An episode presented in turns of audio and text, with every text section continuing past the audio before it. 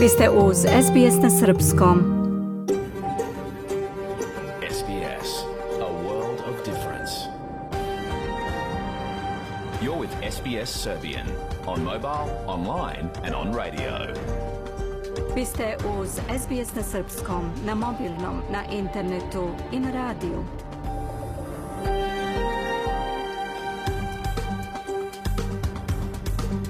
SBS odaje priznanje tradicionalnim vlasnicima zemlje sa koje danas emitujemo program na srpskom jeziku. Ovim izražavamo poštovanje prema narodu Ranger i Vojvorang, pripadnicima nacije Kulin i njihovim prošlim i sadašnjim starešinama. Također odajemo priznanje tradicionalnim vlasnicima zemlje iz svih aboriđinskih naroda i naroda sa ostrva iz Torisovog Moreuza, sa čije zemlje slušate naš program. Dobar dan, danas je 23. jun 2022. Ja sam Biljana Ristić. U današnjem programu posle pregleda vesti sa našom saradnicom iz oblasti politike, dr. Nino Marković, razgovarat ćemo o najaktuelnim političkim zbivanjima u Australiji. Najnovija studija sprovedena na Univerzitetu u Novom Sadu otkriva kako genetika, a kako sredina oblikuju ljudsko ponašanje i formiraju naš karakter. Za SBS radio na Srpskom o tom projektu govore članovi naučnog tima koji sprovodi istraživanje. To su samo neke od tema danas. Ostanite sa nama do 16 časova. Sledi pregled vesti.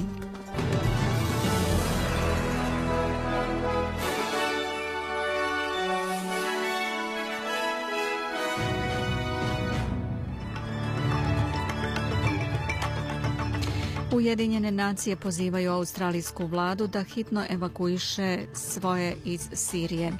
Savezni ministar odbrane Richard Miles nalazi se u četvorodnevnoj poseti New Delhiju. Vučić, Rama i Kovačevski ipak idu na samit u Briselu.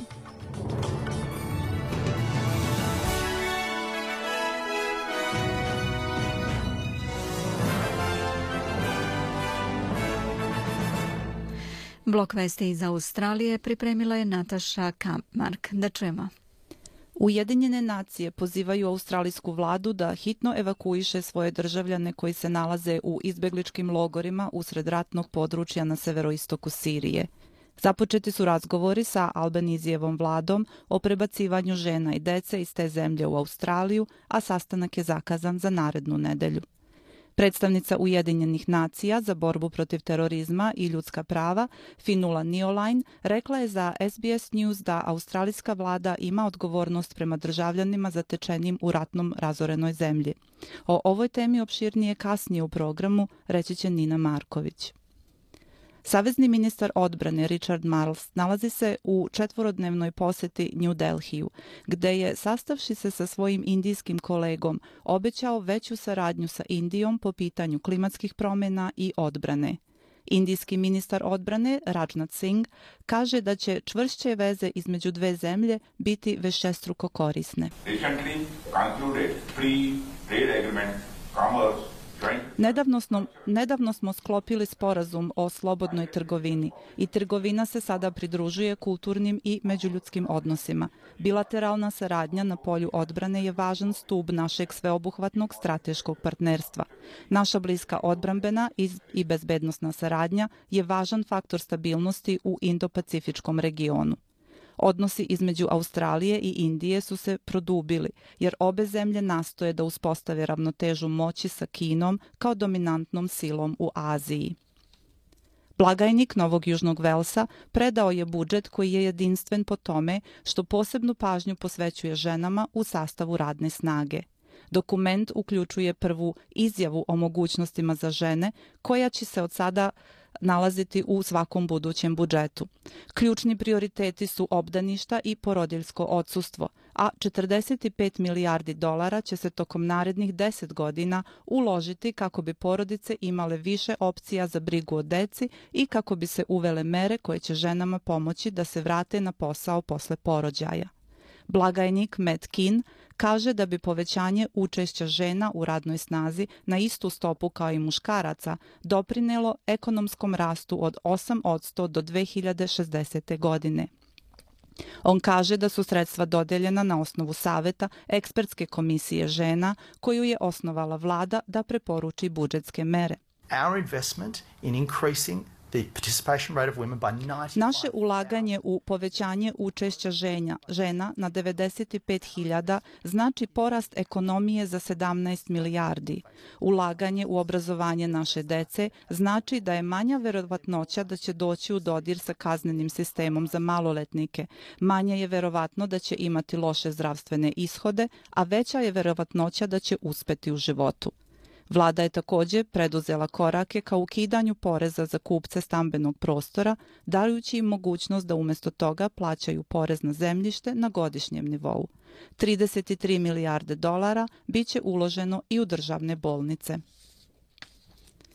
Pristalice Juliana Assangea protestovale su ispred američke ambasade u Kamberi i pozvale premijera Antonija Albenizija da učini više kako bi pokušao da ubedi Amerikance da oslobode osnivača Wikileaksa. Koorganizator alijanse protiv političkih progona je Catherine Kelly. Svakog dana sve više ljudi je zabrinuto za Juliana Assangea. Vlada mora da uradi nešto sada da ga vrati kući. Anthony Albanese treba da pozove predsjednika Bidena i kaže mu da želimo da se on sada vrati kući. Imamo pravo da znamo šta on radi povodom njegovog oslobađanja. Predsjednik Meksika Andres Manuel López Obrador izjavio je umeđu vremenu da će zamoliti američkog predsjednika Bajdena da se pozabavi slučajem Assangea i dodao je da će mu Meksiko otvoriti vrata ukoliko bude bio pušten. Tržište električne energije od jutro se postepeno vraća u normalu, nakon što je operator tržišta AEMO najavio da ima dovoljno kapaciteta za snabdevanje domaćinstava i preduzeća. AEMO je prošle nedelje preuzeo kontrolu nad tržištem kako bi stabilizovao snabdevanje električnom energijom. Savezni ministar za klimatske promene i energiju Chris Bowen rekao je za ABC da su te mere bile apsolutno neophodne. Tržište energije je u mogućnosti da ponovo počne da određuje cene od danas u 16 časova. Kako se bliži kraj finansijske godine, Nacionalna banka Australije, NAB, i Poreska uprava, ATO, pozivaju Australijance da budu oprezni i da ne podležu prevarama ljudi koji se lažno predstavljaju kao službenici Poreske uprave kako bi dobili pristup njihovim ličnim i poslovnim računima i podacima. Laura Hartley, menadžer za grupno savjetovanje i informisanje o bezbednosti u Nacionalnoj banci Australije, kaže da je vreme obračuna poreza zlatni period za kriminalce. Zato ona daje nekoliko savjeta građanima kako da se zaštite. Nemojte odgovarati na pitanja o ličnim ili finansijskim podacima i nemojte da kliknete na linkove. Ako dobijete neočekivani poziv od nekoga ko kaže da je iz Poreske uprave i tvrdi da možete da dobijete povraćaj novca, da ćete biti uhapšeni ili da morate morate da uplatite novac da biste dobili povraćaj poreza, jednostavno spustite slušalicu. Ako ste u nedoumici, pozovite ATO na broj naveden na njihovoj web stranici da potvrdite da li je poziv legitiman ili se obratite svom računovođi.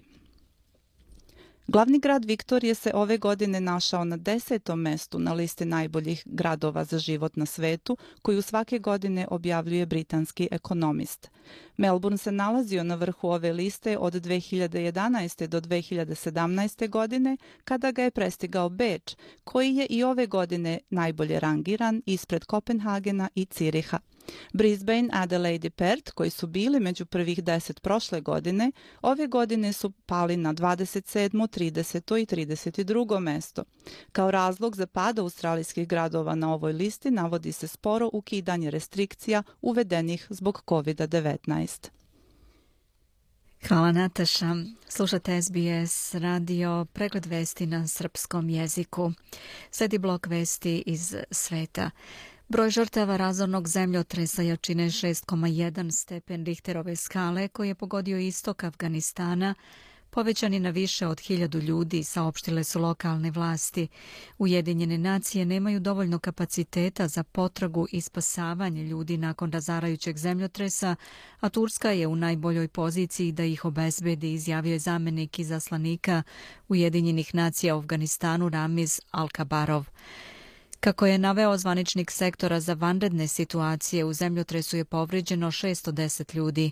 Većina žrtava registrovana je u Paktiki, ali ima poginulih i u istočnim pokrajinima, Nangrah i Kost. Patrick Thomas iz australijskog ogranka organizacije World Vision kaže za SBS News da njegova agencija obezbeđuje pomoć u hrani na zapadu zemlje. On kaže da su ljudi bili u stanju oča i pre nego što su talibani preuzeli vlast zbog suše i nestašice robe u udaljenim krajevima, a da je njihov očaj sad još veći. U toku je razmatranje uvođenja međunarodne rezervne valute u zemljama članicama BRICS-a, saopštio je ruski predsjednik Vladimir Putin u pozdravnom obraćanju učesnicima poslovnog foruma ekonomske asocijacije BRICS koju čine Brazil, Rusija, Indija, Kina i Južna Afrika. Putin je također naveo da je ruski sistem za razmenu financijskih poruka kao alternativa za SWIFT otvoren za povezivanje banaka i za zemalja članica BRICS-a. Umeđu vremenu, ministar spolnih poslova Rusije Sergej Lavrov doputovao je u dvodnevnu posetu Iranu. U izveštaju agencije TAS se navodi da će Lavrov se sastati sa iranskim predsjednikom Ebrahimom Raisijem i iranskim kolegom Hossein Amir Abdollahajinom. Rat u Ukrajini premašio je 190. dan. Ruska vojska se približava Lisičansku, saopštuje načelnik Luganske oblasti Sergej Gajdaj. Najmanje 15 civila ubijeno je u ruskom granatiranju regiona Harkova, tvrde lokalni zvaničnici. Bezuslovni prioritet Rusije jeste sprečavanje direktnog sukoba nuklearnih država, kaže zamenik šefa ruske diplomatije Sergej Ripakov.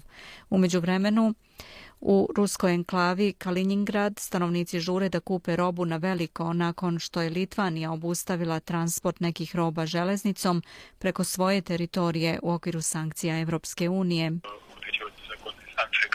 In this case, Portparol ruskog predsjednika Vladimira Putina Dmitri Peskov osudio je zabranu Litvanije kao apsolutno neprihvatljivu i upozorio da Moskva radi na uzvratnim merama. Parlament u Sofiji izglasao je nepoverenje vladi Kirila Petkova, čiju su smenu zatražili poslanici opozicije, tvrdeći da politika njegovog kabineta vodi državu u bankrot. Osim ekonomije, teme sukoba su i veto na početak pregovora Severne Makedonije sa Evropskom unijom, ali i borba protiv korupcije prenosi radiotelevizija Vojvodine. Agencija Reuters prenosi da je vlada izgubila na glasanju sa 116 glasova podrške nasuprot 123 za nepoverenje vladi. Protivnici bugarskog premijera pominjali su i izdaju nacionalnih interesa, tvrdeći da se premijer sa zapadnim diplomatama dogovorio da Sofija konačno skine veto sa početka pregovora Severne Makedonije i Evropske unije, a da se bugarski zahtevi utope u preduslove koje Makedonci moraju da ispune kako bi napredovali ka članstvu u Evropskoj uniji. Predlozi za novu politiku proširenja koja znači bržu faznu integraciju Zapadnog Balkana u Evropsku uniju i otvaranje pristupnih pregovora sa Severnom Makedonijom i Albanijom biće glavne teme sastanka lidera Evropske unije i Zapadnog Balkana 23. juna u Briselu. Nakon rasprave sa liderima regiona, šefovi država i vlada Evropske unije će u drugom delu dana započeti svoj zasebni dvodnevni samit na kojem će u centru pažnje biti odluka o dodeli statusa kandidata u Ukrajini, Moldaviji i Gruziji i planovi za stvaranje Evropske političke zajednice. Predsjednik Evropskog saveta Charles Michel je u oči samita izneo predlog za reformu političkog proširenja navodiće da partnerima za Zapadnom Balkanu treba ponuditi socijalni i ekonomske prednosti već tokom procesa pregovora o članstvu umjesto da se čeka na njihov kraj. Slovenački premijer upozorio je na opasnost da Bosna i Hercegovina nakon pozitivnih odluka o Ukrajini i Moldaviji ostane van fokusa Evropske unije. Robert Golob izjavio je da će na samitu Evropske unije predložiti da se status kandidata za članstvo Uniji dodeli i Bosni i Hercegovini. O tome kasni više u razgovoru sa Ninom Marković. Nakon detaljnih i sveobuhvatnih konsultacija sa saradnicima i članovima vlada, Aleksandar Vučić, Edi Rama i Dmitri Kovačevski doneli su odluku o zajedničkom odlasku na samit Evropske unije Zapadni Balkan. Nakon detaljnih i sveobuhvatnih konsultacija sa saradnicima i članovima vlada, Lideri tri zemlje doneli su odluku o zajedničkom odlasku na samit pri čemu su usaglašeni i principi koji će predstavljati glavnu okosnicu razgovora sa brojnim zvaničnicima Evropske unije navedeno je u saopštenju iz kabineta predsjednika Srbije. Edi Rama se oglasio na Twitteru. Prisustovat ćemo sastanku Evropskog saveta. Neće se mnogo toga čuti o nama, ali ćemo tražiti da budemo saslušani kada je reč o ideji nove evropske političke zajednice koju podržavamo, o otvorenom Balkanu koji širi duh Evrope i o činjenici da smo taoci Bugarske koja pokušava da ga uništi, naveo je Rama na Twitteru. Dimitar Kovačevski je na Facebooku naveo da će, ako se ne obezbedi napredak procesa evropskih integracija, to biti ozbiljan problem i udar na kredibilitet Evropske unije na Balkanu. Lideri šest zemalja regiona pozvani su na sastanak sa čelnicima Evropskog saveta kako bi trebalo da bude održano danas pre početka redovnog junskog samita Unije na kojem će se razgovarati o proširenju. Na samitu za Srbiju neće biti otvaranja nijednog klastera. Da pogledamo i kolika je vrednost australijskog dolara danas. Prema američkom vredi 69 američkih centi, 65 euro centi, 56 britanskih penija i 76 srpskih dinara, 82 pare.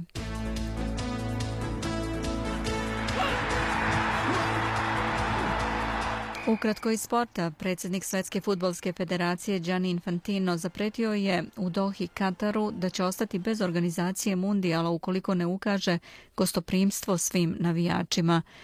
On je pre svega mislio na LGBT populaciju, čiji pripadnici strahuju za svoju bezbednost na svetskom prvenstvu s obzirom da je homoseksualnost u Kataru zabranjena zakonom. Omladinska reprezentacija Srbije poražena je od Engleske u drugom kolu Evropskog prvenstva u Slovačkoj. Orlići su izgubili od Engleza rezultatom 4-0 i sada su im šanse za plasman u polufinale ostale u domenu teorije. Srbija grupnu fazu završava utakmicom protiv posle neplasirane Austrije u subotu. Odbojkaši Amerike savladali su Srbiju u Sofiji sa 3-1 u prvom meču druge nedelje takmičenja u Ligi nacija. Danas selekcija Srbije igra protiv Brazila. I tenis Novak Đoković savladao Kanadžanina Ože Aliasima sa 2-0 na egzibicionom turniru George Armani Tennis Classic na terenima Harlington kluba u Londonu. Još nije poznat naredni protivnik Đokovića na ovom turniru. I na kraju ovog bloka da pogledamo i vremensku prognozu. Pretežno je sunčano sa 18 stepeni u Pertu. Pljuskovi su mogući u Adelaidu 16, Melbourne oblačno vreme trenutno 16 stepeni, Hobart mestimično oblačno 13, Canberra pljusak 2, 14 stepeni, Pretežno je sunčano u Sidneju sa 20, sunčano u Brisbaneu 23 i sunčano u Darwinu 32. U Beogradu danas tokom dana kiša do 26 stepeni maksimalno. Slušali ste pregled vesti na SBS radiju na srpskom jeziku, a za sve najnovije posjetite sbs.com.au kosacrta news.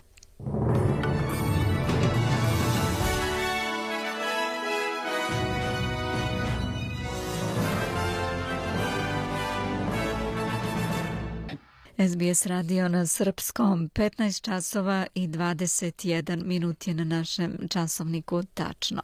Ostanite sa nama, ja sam Biljana Ristić. U nastavku programa osvrnućemo se na najvažnija politička zbivanja tokom sedmice. Na liniji imamo Ninu Marković. Nina, dobar dan. Dobar dan. Specijalni izvestilac Ujedinjenih nacija za borbu protiv terorizma i ljudska prava izrazio je zabrinutost direktno vladi premijera Antonija Albanezija u vezi sa potrebom da se interveniše radi repatriacije žena i dece zarobljenih u kampovima na severoistoku Sirije. Kakav je odgovor vlade, da li ima ikakvih reakcija? Ovo je zaista tema o kojoj smo eto, već dugo pratili mm. i pokrivali. Ovo nije ni čudo da je Fion Vala ni Ao Line, koji je specijalni izveštilac Ujedinih nacija za ljudska prava i protiv terorizma, da se apeluje na Australiju zato što su saveznici Australije poput SAD-a, Nemačke i drugih evropskih zemalja poput Danske i Belgije već urgirali i izvukli svoje građane iz ovih kampova. Znamo da je nedavno Australijski vrhovni sud i preinačio odluku kojom se oduzimalo dvojno državljanstvo. Tako da se postavlja pitanja, pitanje šta je sa ovim ljudima, da li je njima nekim od njih bilo oduzeto državljanstvo koje sada treba da se vrati. Znači to je nešto na što mora da se misli u ovom problemu. U ekskluzivnom intervju sa SBS World News um, izaslanik je rekao da je dijalog otpočeo direktno sa novom vladom Australije. Život u ovim izbjegličkim kampovima je kao najveća noćna mora i kao tortura po izjavama Ujedinjenih nacija. Australija ima dužnost prema svojim državljanima da ih izbavi kao i prema ženama i deci kampovi poput Al-Hola i Rođa e, imaju članove porodice takozvanih boraca i sila preko 60 australijskih državljana se tamo nalazi, od kojih je 47 maloletnih po izjavama Save the Children nevladine organizacije. Tako da je ovo zaista znači tačaka spoticanja između Australije i Ujedinjenih nacija zato što je Australija za sada e, pod koalicijnim vladama imala stav da se neće uopšte mešati u ovo u ovo pitanje. Kamal eh, de Boisi, koja ima čerku i eh, tri unučata u jednom od tih kampova, kaže da deca gladuju, da imaju rane od gelera i da im treba pomoći što pre. Iz Human Rights Watcha imamo izjavu od Sophie Munil koja kaže da su jako teški uslovi života i da zašto Australija nije reagovala kada su već sve druge zapadne države reagovale i počele da evakuišu svoje građane poput Belgije koja je prošle nedelje izbavila 16 ljudi. Za sada, eto, postoji nada da će Antonija Albaneze možda urgirati da bar se izbave žena i deca, ali za sada još nemamo jasan odgovor. Premijer nije izložen samo tom pritisku, izložen je i pritisku pristalica Juliana Assangea koji su održali miting ispred ambasade Sjedinjenih američkih država u Kamberi i oni pojačavaju svoju kampanju i pozivaju vladu da interveniše i u ovom slučaju da kažemo par reči i o tome. Brat Juliana Sanža, Gabriel Šipon, traži direktno da Australija kaže ne svom glavnom strateškom partneru SAD-u i da koristi svoju meku moć da bi dobila koncesije za Assange. Da podsjetimo iz Ministarstva unutrašnjih poslova Britanije Priti Patel odobreno je da se Assange izruči SAD-u gde ga čekaju 18 tačaka optužnica i on bi mogao da dobije zaista e, doživotnu robiju.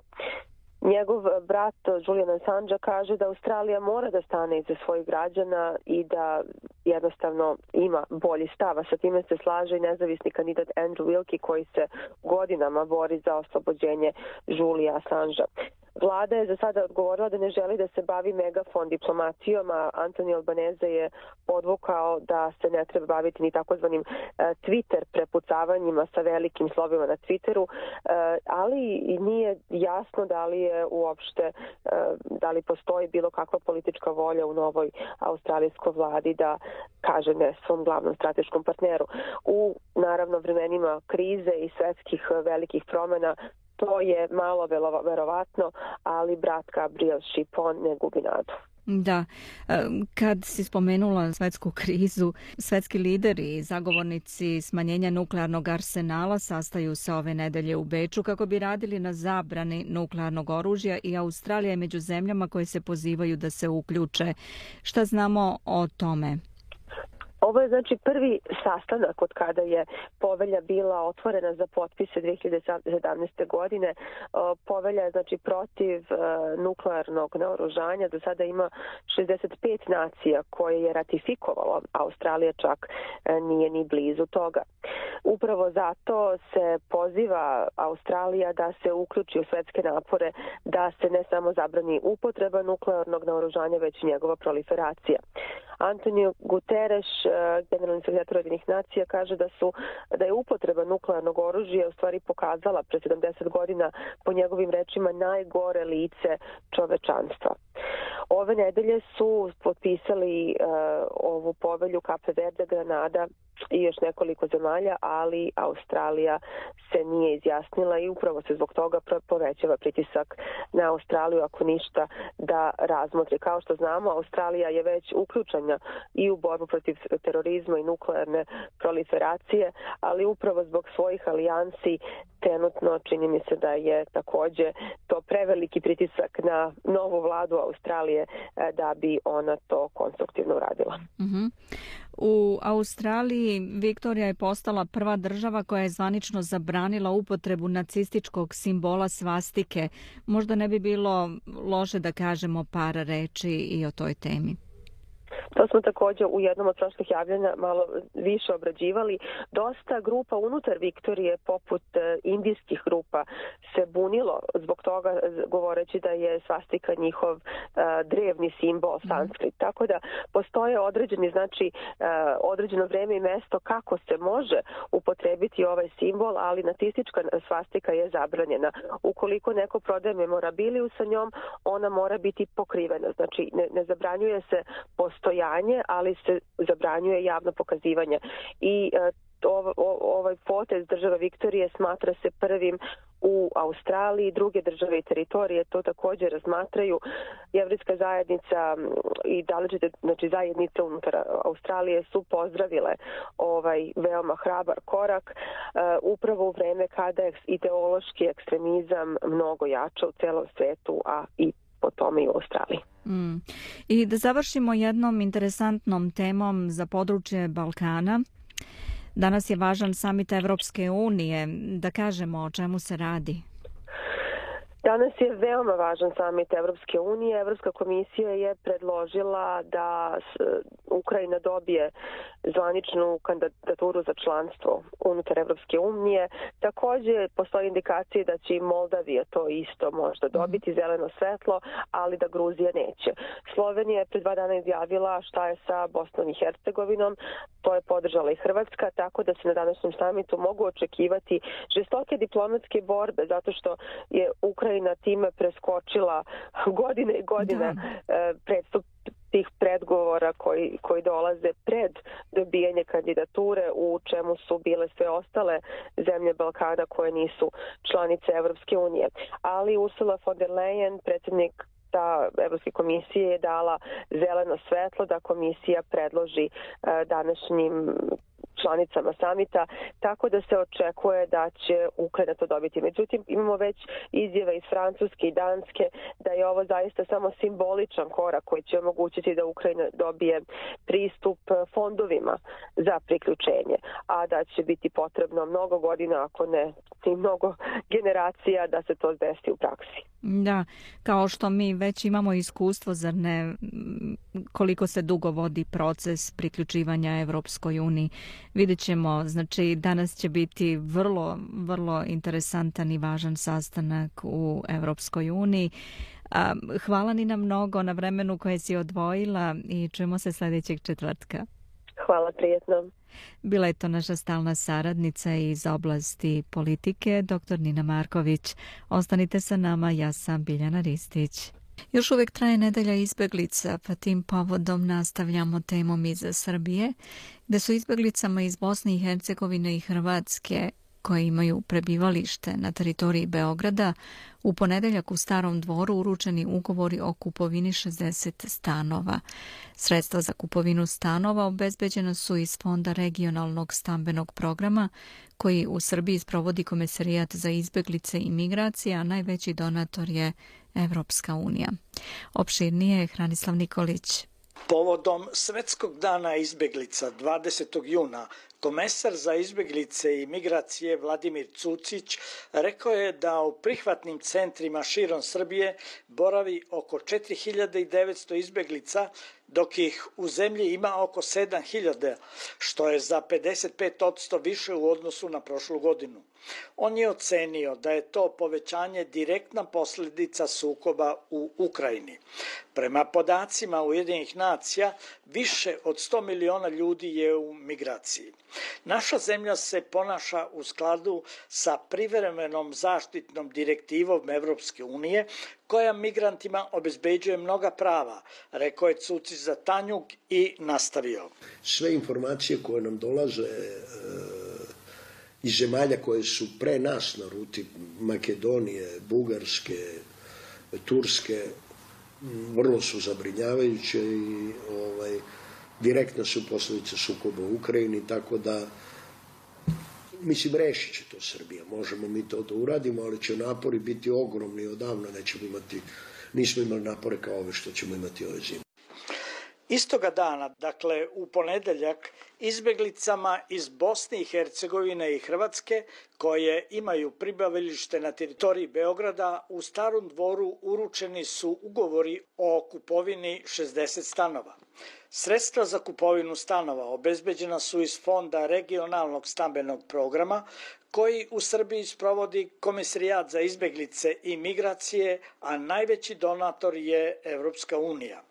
Državni sekretar u Ministarstvu spoljnih poslova Nemanja Starović rekao je da je cilj sada bliži, a to je rešavanje stambenog pitanja za sve izbeglice iz Hrvatske i Bosne i Hercegovine. Zatim je kazao. Srbija će ovaj program rešiti sa preko 120%, jer je ne znam koliko desetina gradova, opština dalo svoju infrastrukturu, dalo sve svoje i verovalo je u ovo. Normalno, bez OEPS-a i bez UNHCR-a, pa trebalo je sve ono ubediti i donatore iz ceo svet da se to, da se to uradi. Nek vam sve bude radosno i ovako kako je gospodin Kovačević rekao, nemojte ovo da pamtite kao dan izbeglica. Upamtite kao dan kad ste dobili svoja vrata i svoj ključ i bit će dovoljno za ostatak života. Sve vam pevalo. Dodeljene stanove posle šest meseci izbeglice mogu da otkupe po znatno povoljnijoj ceni. Iz Beograda za SBS radio Hranislav Nikolić. Slušajte SBS na srpskom, na mobilnom, na internetu i na radiju.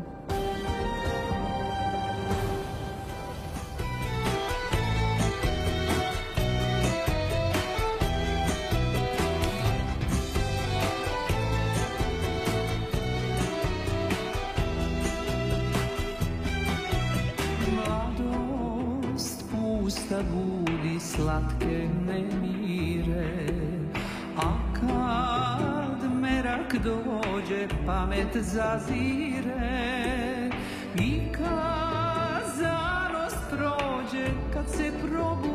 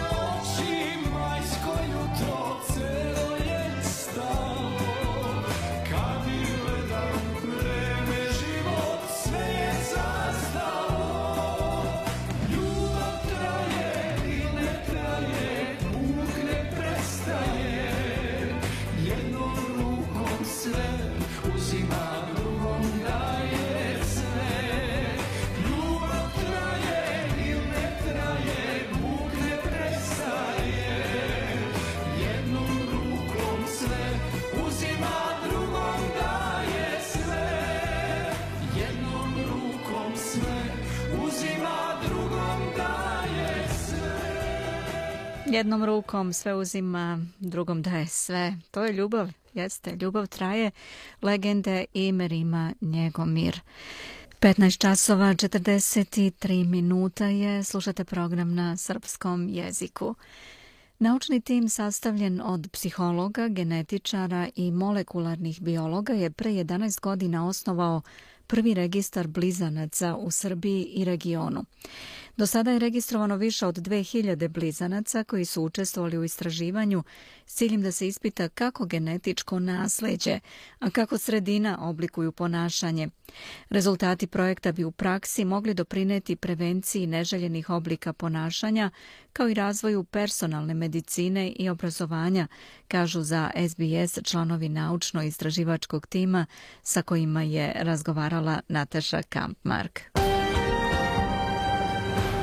Najnovija studija o blizancima sprovedena na Univerzitetu u Novom Sadu otkriva kako genetika, a kako sredina oblikuju ljudski karakter i određuju naše ponašanje. Tim povodom za SBS radio na srpskom razgovaram sa dvoje istraživača iz naučnog tima koji su uključeni u ovaj projekat. To su Aleksandra Milutinović, molekularni biolog sa Medicinskog fakulteta u Novom Sadu i Ilija Milovanović, docent na odseku za psihologiju Filozofskog fakulteta u Novom Sadu. Dobar dan i dobrodošli u SBS radio na srpskom jeziku. Dobar dan i bolje vas našli. Hvala na pozivu. A, za početak, ukratko nam predstavite ovaj projekat. Pretpostavljam da se radi o nekom jednom dugoročnom istraživanju.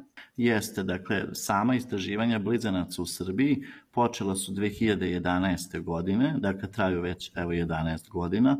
E, sam cilj projekta jeste, kao što ste vi već i rekli, da se utvrdi koliko genija, koliko sredina doprinose razvoju nekih psiholoških i fizičkih karakteristika kod dece i kod odraslih. Tako je, dakle, mi pored određenih psiholoških mera i nekih njihovih e, karakteristika e, želimo da vidimo šta se dešava i na nivou gena, tako da koristimo uh, vrlo jednostavnu metodu uzimanja bukalnog brisa. Bukalni bris je bris uh, unutrašnje strane obraza na osnovu uh, kog određujemo profil za određene gene i te podatke kombinujemo sa podacima do kojih smo došli psihološkim ispitivanjima.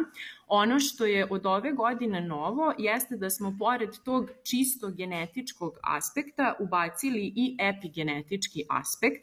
Šta bi to značilo? To bi značilo da pratimo, da tako kažem, trendove u molekularnoj genetici i e, želimo da vidimo kako i sredina utiče na oblikovanje našeg naslednog materijala konkretno kod blizanaca najviše, pošto se na njih fokusiramo, s obzirom da su nam blizanci za genetička istraživanja vrlo, vrlo uh, bitna populacija, to jest vrlo bitan deo populacije. Ono što mene ovde zanima je zašto je najbolje raditi to istraživanje na blizancima? Zašto, zašto baš blizanci? Evo ovako, e, blizanci su za nas vrlo značajni zbog odlike konkretno jednojajčanih blizanaca. Jednojajčani blizanci e, dele skoro kompletan genetički materijal, dakle približno 100%, zato što jednojajčani blizanci nastaju od jednog spermatozoida i jedne jajne ćelije. E, u nekom e, genetičkom smislu, dakle, oni su istovetni. E, što se tiče dvojajčanih blizanaca, oni su slični kao i bilo koji drugi brat ili sestra, to jest siblinzi, kako ih mi zovemo, zato što oni dele oko 50% genetičkog materijala. Mi sa jedne strane imamo jednojajčane blizance koji su genetički istovetni, a često viđamo neke razlike među njima i onda možemo poređenjem između jednojajčanih i dvojajčanih blizanaca za određene osobine da zaključimo koliko su odgovorni genetički, a koliko sredinski faktor. Dakle, zato su nama blizanci jako, jako važan deo populacije, zato što kod jednojajčanih blizanaca imamo tu početnu tačku koja je jako važna, a to je da oni dele genetički materijal. I neke razlike kod jednojajčanih blizanaca možemo onda pre prepisati sredini nego genetičkim faktorima. Zaista ste dali dobro objašnjenje, naravno. A možda već imate neke preliminarne rezultate na osnovu kojih bi mogli da nam kažete šta je to što je ponajviše određeno genetikom, e, to jeste nasledđem, a e, šta se ponajviše formira pod uticajem sredine, šta vam vaše istraživanje govori? Dakle, neki preliminarni rezultati nam govore o e, tome da se svaka psihološka karakteristika razlikuje u odnosu na to koliko je genski, a koliko je sredinski određena. Kada govorimo o uticaju sredine, ona je nekako dominantna kada se govori o psihološkim karakteristikama.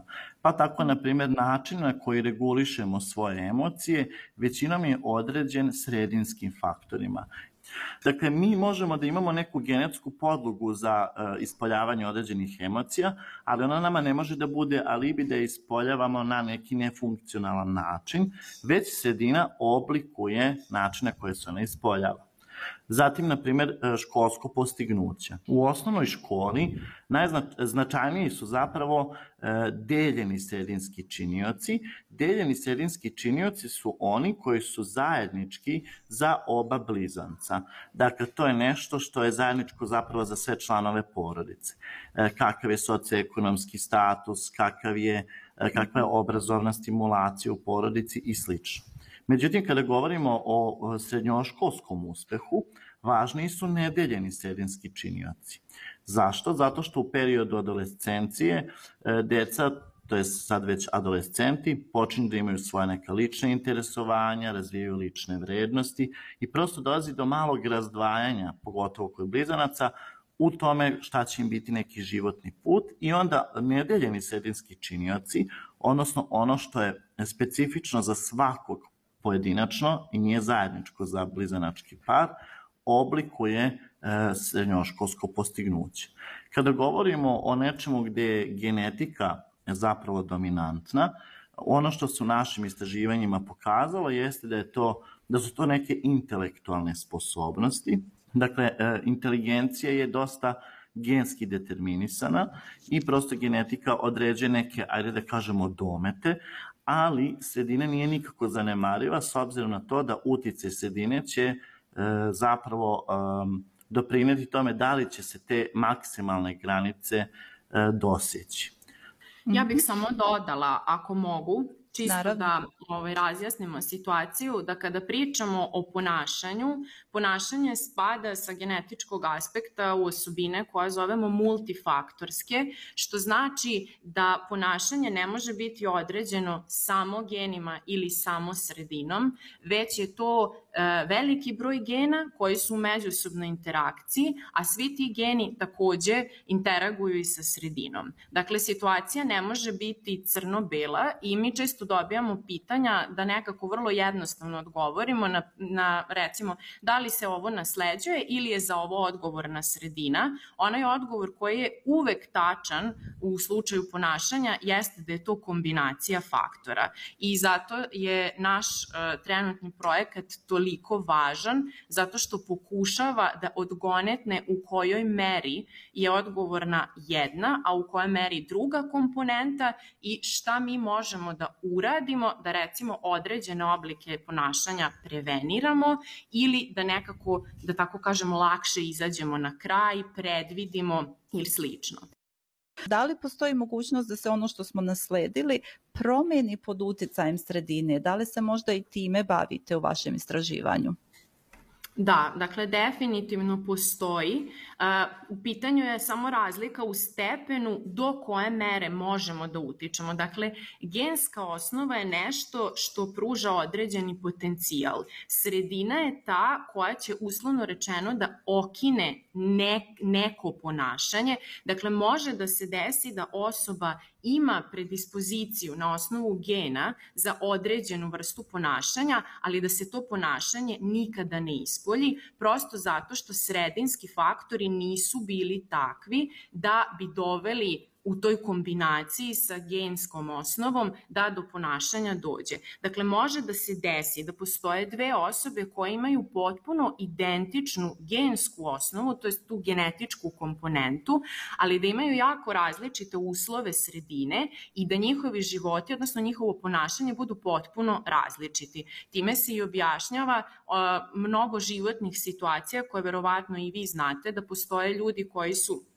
prošli kroz neke iste događaje, ali su na njih odgovorili potpuno različito. Da. Dakle, uh, genetika nam daje samo potencijal, to jest mogućnost da se nešto ispolji, ali bez sredine koja je uvek, je tako, u velikom broju slučajeva dinamična i promenljiva, bez sredine ne može ništa da se desi kako rezultati vašeg istraživanja mogu možda pomoći kako roditeljima, tako i blizancima u praktičnom životu? Znači šta rezultati vašeg istraživanja znače za roditelje? Da li, da li mogu dati odgovor na pitanje kako najbolje odgajati blizance?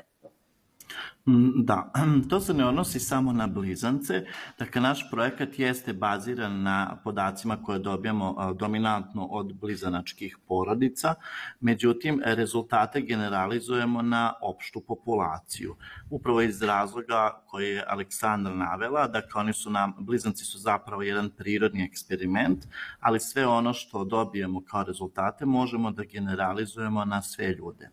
Dakle, ono što je praktična primjena ovakvih istraživanja prvenstveno se ogleda u tome kada e, detektujemo veliki uticaj sredine. To znači da svi e, činioci koji se nalaze u sredini, uključujući roditelje, neku širu socijalnu podršku, učitelje, nastavnike ili neko bliže okruženje, na neki način mogu da poboljšaju e, kvalitet funkcionisanja jedne osobe. S druge strane, s obzirom na to da pratimo, to da ispitujemo i decu i mlade i odrasle, neki naš cilj u budućnosti jeste da se razvije neki, nešto što bismo nazvali princip personalne medicine i personalnog obrazovanja, što govori zapravo u čemu se on ogleda. Kada pratimo određenu, određenog pojedinca od nekih najranijih dana i kada imamo u vidu E, na koji način geni i sredina oblikuju e, njegovo ponašanje. To znači da e, zapravo praćenjem ajde da kažemo, životnog puta te osobe, možemo da ustanovimo na šta je on vulnerabilan, na šta je on ranjiv, šta mu ide dobro, koje su njegove snage, koje su njegove slabosti i da na taj način uh, E, zapravo možemo da korigujemo nečije ponašanje kako bi e, on ono stvario sve svoje pune potencijale, kako bi živeo srećnije i kako bi imao kvalitetniji život. Hvala vam na izdvojenom vremenu i ja vam svakako želim puno sreće u vašem budućem radu. Nadam se da ćemo vas ponovo intervjuisati tim povodom.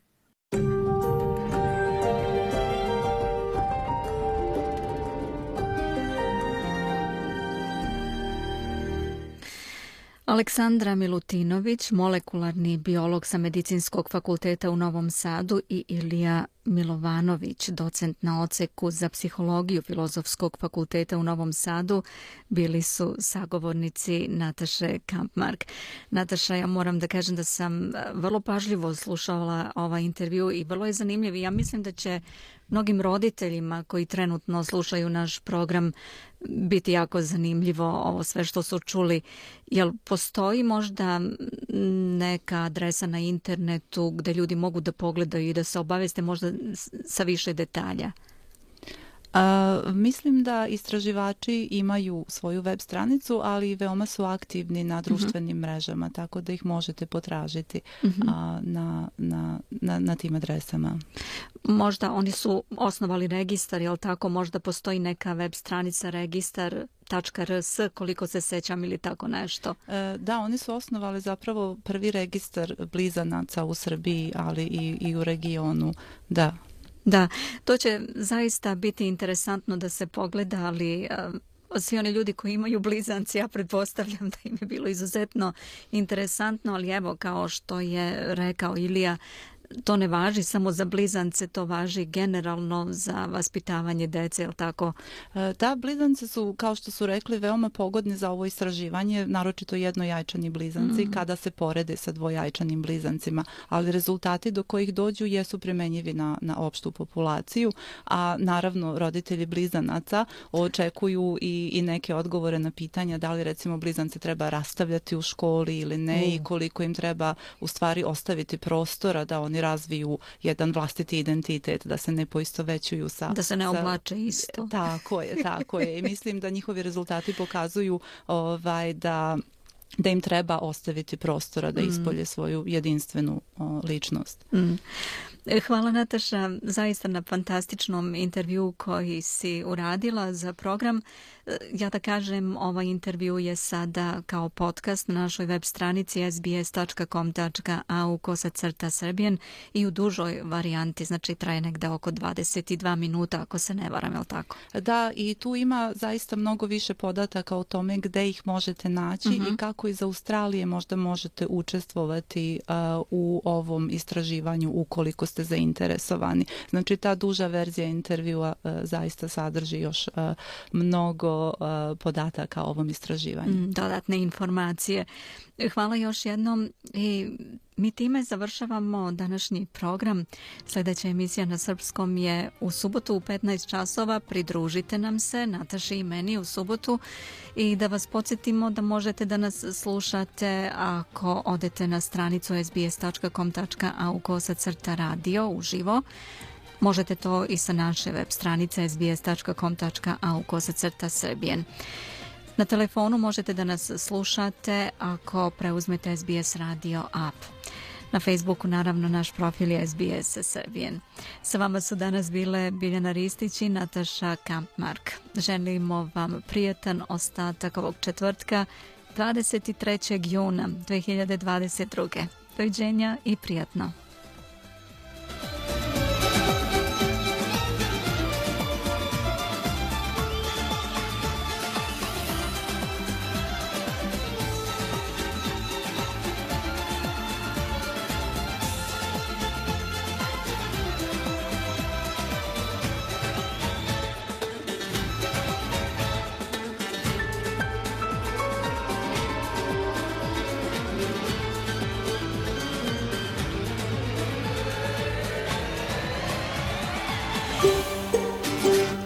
Želite da čujete još priča poput ove? Slušajte nas na Apple Podcast, Google Podcast, Spotify ili odakle god slušate podcast.